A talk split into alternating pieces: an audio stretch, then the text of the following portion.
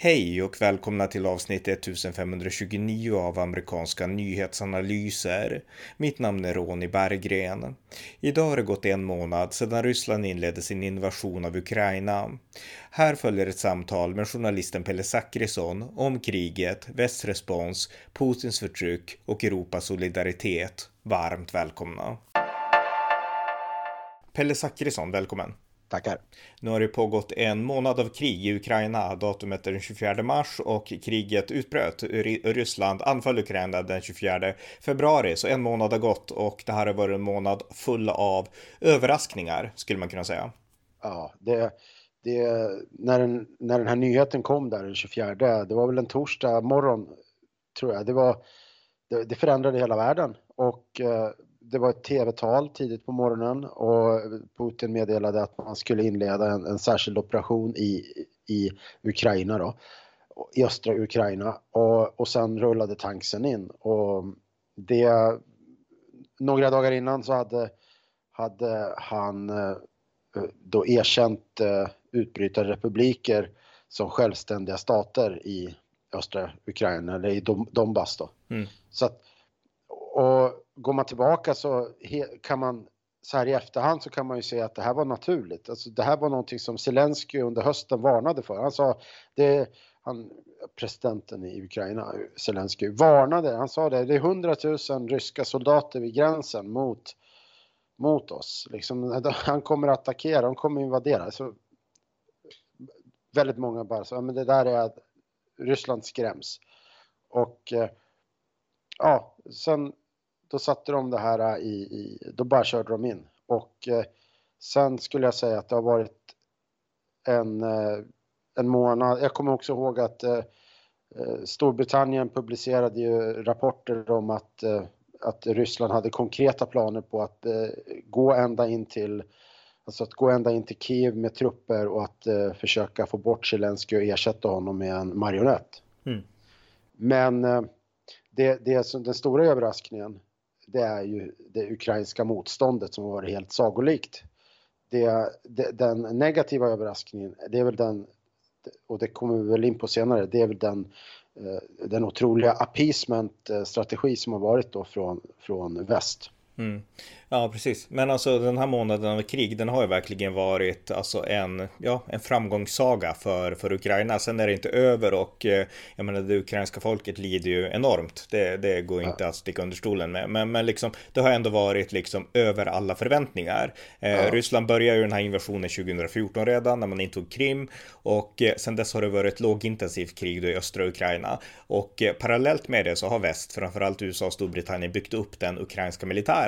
Och och det har inte varit någon hemlighet. Men att den här militären sen skulle bli så pass liksom sammangjuten, engagerad, patriotisk och stark att de skulle kunna slå tillbaka på, den, på, den, på det sätt som de har gjort. Det är ju ändå, ja det, det, det är fantastiskt. Ja, det är väl också en, det är väl också så här att, att uh, hur det har blivit någonstans uh, avslöjat hur, hur eh, korrupt eh, det ryska systemet är och hur, hur dålig eh, den ryska militären måste vara. Alltså det skicket på, alltså under det första dygnet så kom det ju rapporter där man försökte då räkna på hur, hur den ryska övermakten var. Och det, det var, minns jag att man presenterade det som att Ryssland har trupper som är man, dels är man numerärt mycket större men man är också överlägsen i dels utbildningsgrad och kompetens. Man har allting är mycket bättre. Mm. Och det har ju visat sig att mycket av det där är... Eh, alltså, mycket kan man i alla fall ifrågasätta. Jag är ju inte militär expert men, men utifrån det man kan läsa sig till så, så, så är det mycket av det som inte riktigt verkar hålla vatten då. Mm. Och eh, Putin, han verkar också ha liksom, jag menar när han eh, inledde den här operationen så då började man prata väldigt mycket om liksom rysk historia, att Ukraina och Ryssland är ett och han verkar ha trott på något sätt att, eh, ja, att Ryssland skulle välkomnas med liksom blommor och kramar och sådana saker. Alltså han verkar utifrån sin, utifrån att han haft näsan i, i en historiebok, sin egen historiebok, så verkar han ha trott på något sätt att det här är liksom, det börjar vandra in och sen så blir vi välkomnade. Så han hade inte förväntat sig det här heller. Ja, men det, det, finns ju en fara där att, att om man upp, omger sig med liksom dogmati, dogmatiker och, och de som, som, eh, som vad ska jag säga, som är rädd för att säga emot och komma med ovälkomna nyheter. För då blir det till slut att det bara den egna världsbilden stärks. Så att de som kom med, det kan ju varit så att de som liksom sa att ja, men vi kommer nog att stöta på ett eh, större motstånd. Den, den eh, analysen var inte lika populär och, och då höll man käft. Mm. Det, det, är mycket möjligt att det var så. Men, men jag skulle säga bara det här med om Ukraina, det har ju varit ett fruktansvärt lidande och de här rapporterna om hur Mariupol i östra Ukraina har totalt eh, bombat sönder, att det är städer som har förintats.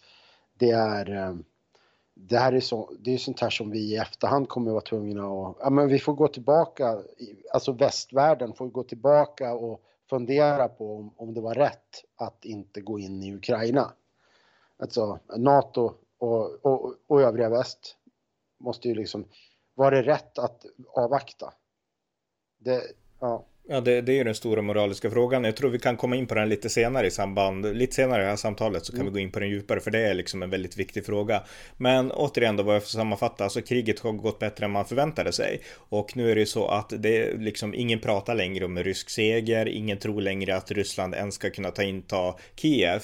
Utan nu är det mer tvärtom, alltså att Ukraina börjar ta tillbaka mindre städer, man börjar liksom trycka ryssarna tillbaka, till och med liksom de som befinner sig vid Kiev, de ryska pansarvagnarna trycks tillbaks av, av ukrainarna som går bakom liksom de ryska linjerna och sådär. Så att eh, det har vänt verkligen nu, krigslyckan. Och eh, därför befarar många att eh, Putin kanske kommer att bli så desperat att han använder massförstörelsevapen. Och det kan vi också komma in på om en stund. Men det går bra för Ukraina. Och en orsak till det, det är såklart ledarskapet hos Volodymyr Zelensky, Ukrainas president, som har verkligen visat mod. Han har stannat kvar i huvudstaden under kriget och han har ja, varit liksom ansiktet utåt för världen. Och idag så talade, han har ju talat inför liksom världsledare och parlament i liksom hela västvärlden. Och idag så pratar han också inför Sveriges riksdag, Zelensky. Och eh, ja, jag förmodar, jag, jag, jag har sett hans video men jag såg inte så många filmklipp från riksdagen. Men jag förmodar att det var fullsatt skulle jag gissa, jag hoppas det i alla fall. Men eh, ja, men jag såg talet och talet var ju väldigt starkt. Ja, jag, jag tycker att det var ett, faktiskt, jag har ju sett ett antal av de här talen som han har hållit. Och jag tycker nog, jag skulle säga att det, det som inte jag tycker har diskuterats det är att det var en liten ny, ny ton i det han sa jämfört med andra tal. Och han kom in på det här mot slutet av sitt tal, det var att han pratade om, om vänorter, han pratade om en framtid för Ukraina. Och han sa det att han tror, nu har jag inte jag talet i huvudet, huvudet exakt sådär, men han pratade om att han ser en framtid där svenska företag och svenskar kan vara med och bygga upp ett Ukraina som idag är förstört, men han ser att Ukraina är ett fantastiskt land och det kommer att resa sig igen ungefär. Och det här tror jag är första gången som jag hör Zelensky prata om det på det sättet och det tyder ju också på att han själv ser någonstans han börjar tro på det där själv, att han ser att det börjar vända sig i Ukraina och det här är otroligt hoppfullt. Mm. Det var en för, ja, ja, fortsätt. Mm. Ja, nej men för att sen pratar han ju, och det som de flesta som har lyssnat på Zelensky pratar om, det är att han varnar Sverige för det här med att även Gotland kan hotas av ni, ni sitter lite grann i samma situation som oss och Gotland är hotat. För han nämner ju Gotland under det här talet. Han, ehm, han pratar om den tacksamhet och, och det här, liksom det här bandet som finns mellan Ukraina och Sverige och att Sverige har varit liksom hjälpt till otroligt mycket, skickat vapen och att man har liksom brutit mot tidigare principer för att göra det. Och han visar ju att han är medveten om det här. Och det här tror jag liksom väldigt många svenskar som har lyssnat på uppskattar att han verkligen vet om i detalj att han har att Sverige gick utanför liksom de principerna. Det är inte bara att han förutsätter att Sverige skulle göra det här. Eh, men den stora nyheten, om man nu ska säga någonting i det här talet, tycker jag att han börjar prata om ett, ett Ukraina bortom kriget. Mm. Och, och, det är, ja, det är väl ingen sån här uh, supersnackis, men jag tror att det faktiskt är någonting som man um, ja, det inger lite hopp faktiskt. Mm. Ja, verkligen. Nej, men du har helt rätt. Det var, det, det, var också helt nytt. Jag har också sett alla andra tal han hållit inför många parlament och så. Jag menar, det här var, det var nytt att han betonade ja. det här liksom nu. Det finns en framtid bortom, bortom det andra. Och jag menar, nu, han vet ju vilket land han pratar till också. Han pratar till Sverige. Sverige kommer inte att skicka stridsflyg till Ukraina. Han kan inte begära det han begär av USA och Storbritannien från Sverige. Så att han betonar väl det han kan betona och det han vet ja. om Sverige och så. Och han betonade också likheten i färgerna i våra flaggor och sådana saker. Jo, exakt, men det är ju samtidigt så här, varenda Zelenskyj-tal sänds över hela världen. Mm. Och, det, och det här är han ju uppenbart, det här är han ju helt medveten om.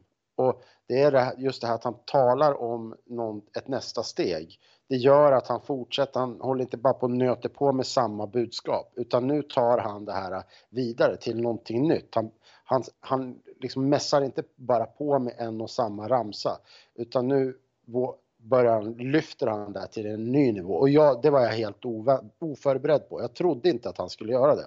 Så att jag, jag tycker att det är, det blev jag väldigt imponerad av. Och samtidigt då läser jag Lena Melin i Aftonbladet som gör analysen att det var ett dåligt tal. Jag kunde inte hålla, jag kunde inte vara mer oense med henne om det, för jag tycker att det var ett helt fantastiskt tal. Mm.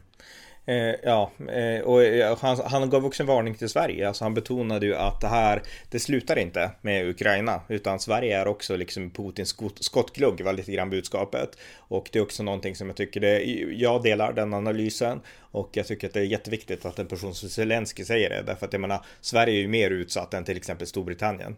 Ja, Sverige är inte med i NATO. Och han sa, om jag ska citera honom, så sa han i ett stycke där att han, han pratade ju också om Ukrainas roll och det är många som liksom försöker sätta fingret på vad, vad är det för värden som står på spel i Ukraina. Ja, då säger Zelensky så här att om Ukraina inte försvarade och försökte skydda sig så skulle allt detta gå förlorat. Allt det som vi värdesätter, allt det som ert folk värdesätter och som människor i alla fria länder värdesätter. Det skulle innebära att alla Rysslands grannar, även ni, lever i fara. Mm.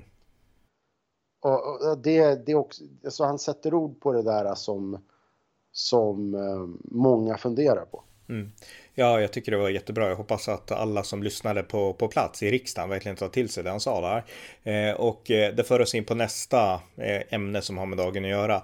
Eh, jag är ju en varm NATO-förespråkare. Jag har nyss läst en alldeles utmärkt bok jag vill göra reklam för som heter NATO historien om en försvarsallians i förändring av Ann-Sofie Dahl som är en svensk eh, författarinna som arbetar för Atlantic Council tror jag och eh, det här är en bok som går igenom hela NATOs historia och NATOs betydelse för stabiliteten i Europa efter, ja, i samband med kalla krigets uppkomst då. Och eh, jag är en varm NATO-anhängare och jag tycker att Sverige bör gå med i NATO. Jag tycker att det är en av våra viktigaste ödesfrågor och jag är väldigt glad över att Moderaternas partiledare Ulf Kristersson vill verkligen nu få med Sverige i NATO. Men alla fall, Joe Biden, USAs president. Han kom till Europa igår för att tala just inför NATO och eh, han kommer att stanna i Europa några dagar till, besöka Polen och så vidare. Så att eh, ja, vi kan göra en utvärdering av Bidens liksom hela besök lite senare. Men just nu så talade han inför NATO. Han höll en presskonferens och eh, det här var en presskonferens som jag hade ganska höga förhoppningar på. Jag menar, det är ändå en ganska stor sak att Joe Biden reser över hela Atlanten och tidigare var Kamala Harris här. Hon gjorde inte något bra intryck, men tyvärr så tycker jag att Biden höll också ett väldigt svagt tal. Han pratade om att eh, USA ska ta emot 100 000 ukrainare. Vi ska fortsätta skicka vapen till Ukraina. Det är förkastligt det Putin gör och eh, vi står upp för NATO. Men han gav inga tydliga svar på hur ska vi stoppa folkmordet? Vad ska vi göra om Ryssland använder massförstörelsevapen? Där sa han ingenting, så att jag tycker att det var ett, eh, ett svagt tal. Det här hade han kunnat säga från USA. Han hade inte behövt åka till Europa för att säga det här. Nej, han, vad är skälet att åka till, till ett NATO-möte? Jo, det är ju att han ska komma med tydliga besked om vad, vad som ska göras. Mm. Vad är det? Han är ju NATOs ledare. Det är okej, okay. Jens Stoltenberg är ordförande för, vad är han, general han är generalsekreterare, men grejen, får, får jag bara inflika en sak nu, för ja. nu har jag lärt mig mycket om NATO. Generalsekreteraren har mest en formell uppgift. Den som styr NATOs beväpnade styrkor, det är en amerikansk general, alltid, som, som heter någonting, nu kan jag inte namnet på den nuvarande, men liksom den här generalsekreteraren, han är alltid en europé för att Europa ska känna sig inkluderade. Men det är ah. mer bara spel för gallerierna. Den som styr upp militären, det är en amerikansk general i Washington DC. Vad bra, mm. vad bra, bra, då vet vi det. Ja. ja. Eh, nej men alltså Biden, jag har också, jag har också sett talet. Det, det som är mest minnesvärt är att han hamnade i tjafs med en reporter från CBS om eh, huruvida han hade eh, de här, att, att, att han har sagt att sanktioner skulle av, avhålla eh, Ryssland från att invadera eller inte. Och, och, det blev liksom, ja men det är ju inte, för, för nu skulle det bli ytterligare sanktioner. Mm. Och det, däremot som du är inne på, det har ju inte kommit inga besked om luftvärnssystem eller om, eh, eller om eh, att eh, polska jaktplan till, till Ukraina. Det som jag tror att är det stora problemet, det är att man hela tiden förhåller sig till vad Ryssland gör och man hela tiden säger att vi kommer inte att gå in i, med trupper i, i Ukraina. Och skälet till att Biden säger det är ju enkelt. Det är ju för att han vänder sig till den inrikes opinion... Alltså det är ju inrikespolitik när han säger det. Det handlar inte om utrikespolitik utan han talar om för det amerikanska folket. Han, och, och då blir det ju liksom, ska du bedriva utrikespolitik och säkerhetspolitik eller ska du bedriva inrikespolitik? Mm. Och, och liksom försöka vinna opinionen. Uh, och det beskedet han kanske skulle ha gett till Putin det är att ja, jag, jag, tänker inte jag tänker inte berätta för dig vad NATO ska göra men vi, om du gör, vi liksom vi tar inte bort någonting från bordet liksom. Det, mm. Vi kan göra vad vi vill. Du, det, det har inte du med att göra. Exakt, det är det han borde ha sagt och vi kan ju påminna om att Donald Trump nu, nu har det här kommit fram efterhand och det är Trump själv som har sagt att han har sagt så här. Men Trump han har, han intervjuades nyligen av en konservativ anhängare till honom och han sa så här att jag pratade med president Putin en gång i världen och då sa jag så här att om du invaderar Ukraina då kommer jag att bomba Moskva, hade Trump sagt till Putin. Och sen så sa Trump då i det här telefonsamtalet, ja så det hände ingenting liksom. Eh, och nu är det här Trumps helt egna ord och jag, jag tror att det är sant alltså. Jag tror att Trump Trump sa så. Eh, för det överensstämmer helt med hans personlighet och hur han var och sådär. Men, men eh, det är fortfarande orden från Trumps mun. Och det, det, kommer nu så här i efterhand ska sägas också. Så att det, det är värt att, att veta det. Men den attityden, det skulle behövas lite mer av det. Och Joe Biden saknar det helt och hållet. Det som under det här mötet, liksom de inledande samtalen så har ju Boris Johnson, vi, vi pratade ju senast om det där. Mm. Och Boris Johnson har mycket riktigt eh, varit väldigt, eh, han har ju varit väldigt offensiv i samtalen. Han har redan lovat då att skicka 6000 eh, nya raketer till eh, Ukraina och, och, han har varit på eh, de andra länderna om att nu är det inte dags att, eh, nu är det inte lax, han har ju uttryckligen sagt att nu är det inte läge att skrämmas av Rysslands eh, snack om kärnvapen, eh, liksom kärnvapenhot. Va? Utan så Boris Johnson har han har varit väldigt mycket mer aggressiv eller ag mycket mer offensiv eh, än, än vad exempelvis Biden har varit då. Så mm. att, vi, vi, får se vart det landar men och vi, jag, kan bara, jag kan bara skjuta in en sak där att eh, Marcus Oskarsson på TV4 han har en blogg och han skriver att eh, eh, Putin är rasande på just Boris Johnson och att Ryssland nu har pekat ut just Boris Johnson som sin största fiende, sin främsta fiende i väst. Och eh, jag tycker att det här är intressant därför att jag menar västs starkaste militärmakt det är USA, det är faktiskt inte Storbritannien. Men Nej. ändå pekar man ut Boris Johnson som, som den värsta, största fienden då. Och det måste bero på att Boris Johnson är klarsynt och att han vågar säga det han tycker och eh, man ser Biden så svag, även om Biden är starkast i liksom, ja, i, i militära muskler. Men, så, så är det ändå Boris Johnson man känner är liksom den stora faran. Men det är, det är ett stort underbetyg till Joe Biden såklart. Mm. Att, eh, att en, en um, Boris Johnson eh, blir utpekad som den största, eh, den största fienden. Mm. Och det, Joe Biden har världens bästa militär och, och världens största ekonomi i, i ryggen. Så mm. om han säger att liksom, det han säger, det, det, blir ju, då blir det så. Så att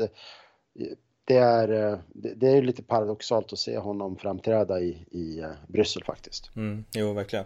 Eh, och eh, jag menar, en, en annan sak som jag, jag kan påpeka som jag, jag var tipsad på Facebook idag av en, en bekant där om en video av Anders Fogh Rasmussen, alltså NATOs tidigare generalsekreterare. Han var ju dansk och även Danmarks eh, statsminister under några år på 2000-talet. Och eh, han gjorde en video för Prager University på YouTube, en fem minuters video som heter Why America America Must Lead. Och där pratar han om att världen, alltså, det är en ny totalitarism som växer fram i världen. Från Ryssland, från militant islam, från Kina. Och eh, den enda kraft i världen, säger Anders Rasmussen, som kan stå emot det här, det är USA, förklarar han.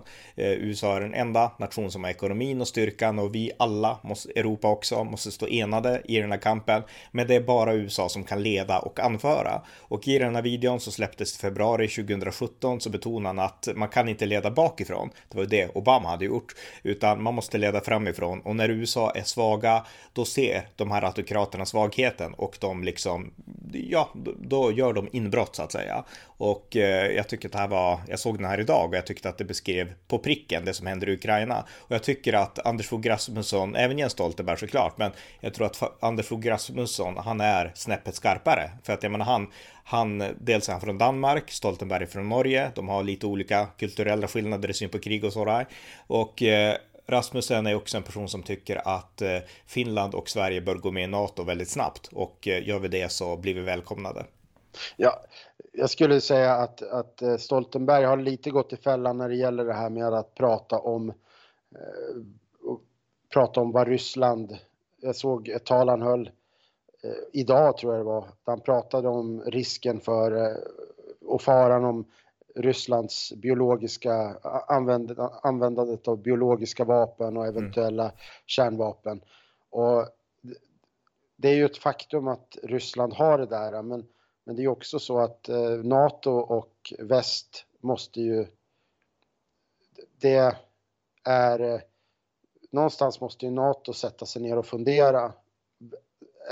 Är man beredd att, ska man låta sig utpressas av, av eh, Ryssland till vad som helst? Är det, vad är, vart, vart drar man gränsen då? Är, är man beredd att låta Ska man demilitarisera länderna som har gått med 97 mm. om, om det här fortsätter?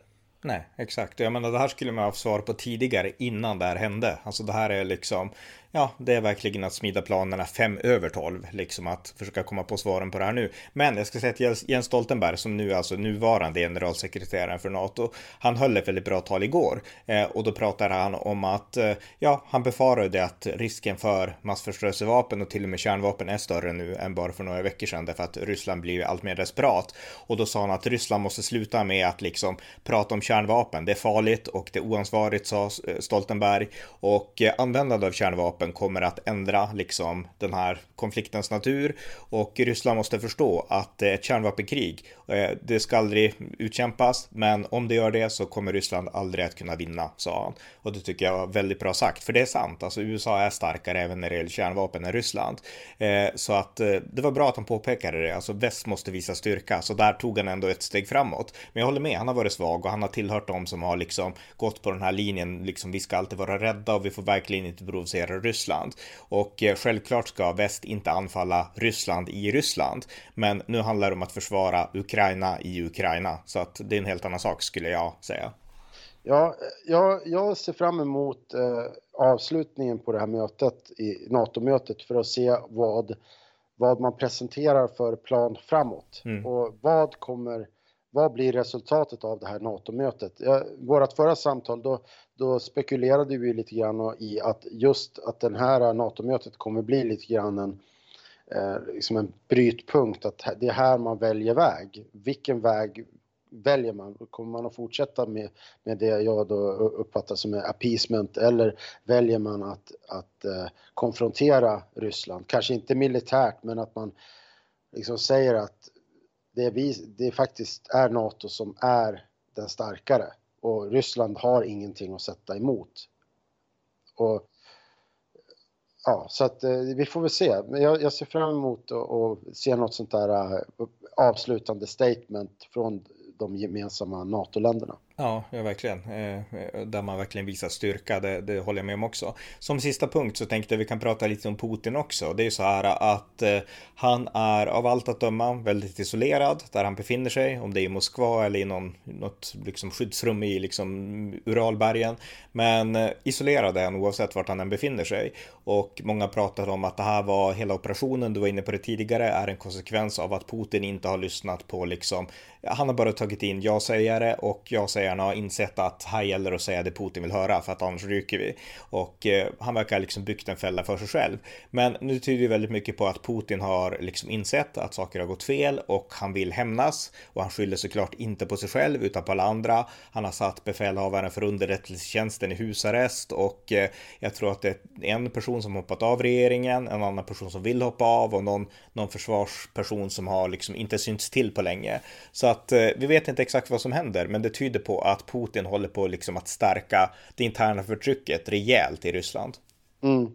Det är ju Ryssland slash Sovjetunionen har ju en historik där man hanterar sina eh, interna despoter. Nu har ju nu är det ju väldigt få despoter inom Sovjetunionen som har haft den makten som och, och det greppet över sitt land som, som Putin har haft. Jag, det är Stalin, våg... Stalin och sen ja, Putin. Ja, ja, Stalin.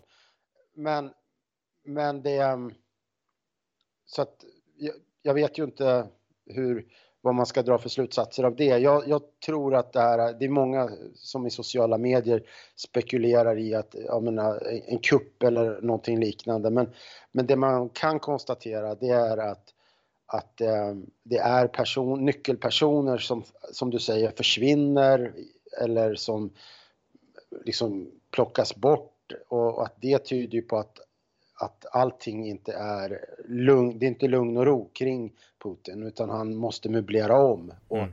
och det kan man ju dra slutsatsen att, det, att han inte har ett, hans team fungerar inte, eh, det är inte en väloljad maskin och han måste göra förändringar och det är ju inte, det är inte optimalt i ett sånt här läge att behöva eh, liksom titta, titta igenom sin uppställning liksom. Nej, nej, verkligen. Ja, vi får se hur det utvecklas. Men det tragiska i allt det här är att det verkar inte hjälpa att väst lägger hårda sanktioner på Ryssland, att Putin, att det är kaos i Putins kabinett. Det verkar inte förändra liksom krigsviljan, viljan från Putins sida att göra allt för att krossa Ukraina, tyvärr. Så det här brutala kriget fortsätter och ukrainarna de gör utan tvekan tappert motstånd, men i den här processen så är det ändå om det är 10 miljoner internflyktingar och eh, jag vet inte hur många som har flytt ut ur landet och det är enormt lidande för liksom alla civila. Så att eh, även om vi, ja, vi kan glädja oss åt att det är kaos, vi kan tycka att det är bra med ja. sanktioner, men lidandet fortgår. Ja, det är ju det vi, det är det man alltid, man får inte glömma det att varje dag så dör det ju civila, det dör mm. alltså helt oskyldiga människor och de människor som eh, hjältemodigt försvarar sitt land he, som helt, helt utan anledning eh, som var helt ett, ett, land som helt oskyldigt blev angripet av sitt grannland Ryssland. Och, och det är människor som, som dödas varje dag. Och det är barn, det är gamla, det är, det är alla. Mm. Och, och, hela landet blir liksom sönder, sönderbombat. Mm. En, en, sista ljuspunkt, vi kan avsluta med det, mm. men det som vi inte pratar om det är att de här som har flytt utanför Ukraina, de har ju spritts ut över stora delar av Europa, framförallt grannländerna, Polen, Ungern och så vidare, och liksom Slovakien och så. Men eh, många har kommit till Sverige också, om det är 20 000 eller någonting. Och det gläder mig ändå att hela Europa tycks ändå öppna upp för de här. Det handlar inte om att nu ska vi stänga gränserna och sådär, utan nu, de här får komma till Europa och vi tar hand om dem. Vi står upp som en enad kontinent och det tycker jag är liksom, det inger hopp i den här mörka situationen. Ja, verkligen. Det finns en, en sån här broderskapskänsla för ett, att folk känner att ukrainare är ett broderfolk och, och för dem ställer vi upp och hjälper till och, och eh, vi ska hjälpa Uk Ukraina. Mm. Det, det, är ju bra. Verkligen, verkligen. Ja, okej, okay, men tack så mycket Pelle för det här samtalet på en ja, månadsdagen efter krig, krig, krigsutbrottet. Tack. Det var avsnitt 1529 av amerikanska nyhetsanalyser. Mitt namn är Ronny Berggren. Kriget i Ukraina slår enormt hårt mot civila, barn, kvinnor, handikappade och äldre. Jag vill uppmana er som uppskattar den här podden att stödja Ukraina genom att skänka en slant till en organisation som bistår Ukraina. Det finns väldigt många, jag har några som jag stöder, men välj själv den organisation som just du har förtroende för och gör på så vis det du kan för att bidra till kampen för det lidande ukrainska folket. Det var allt för den här gången. Tack för att ni har lyssnat.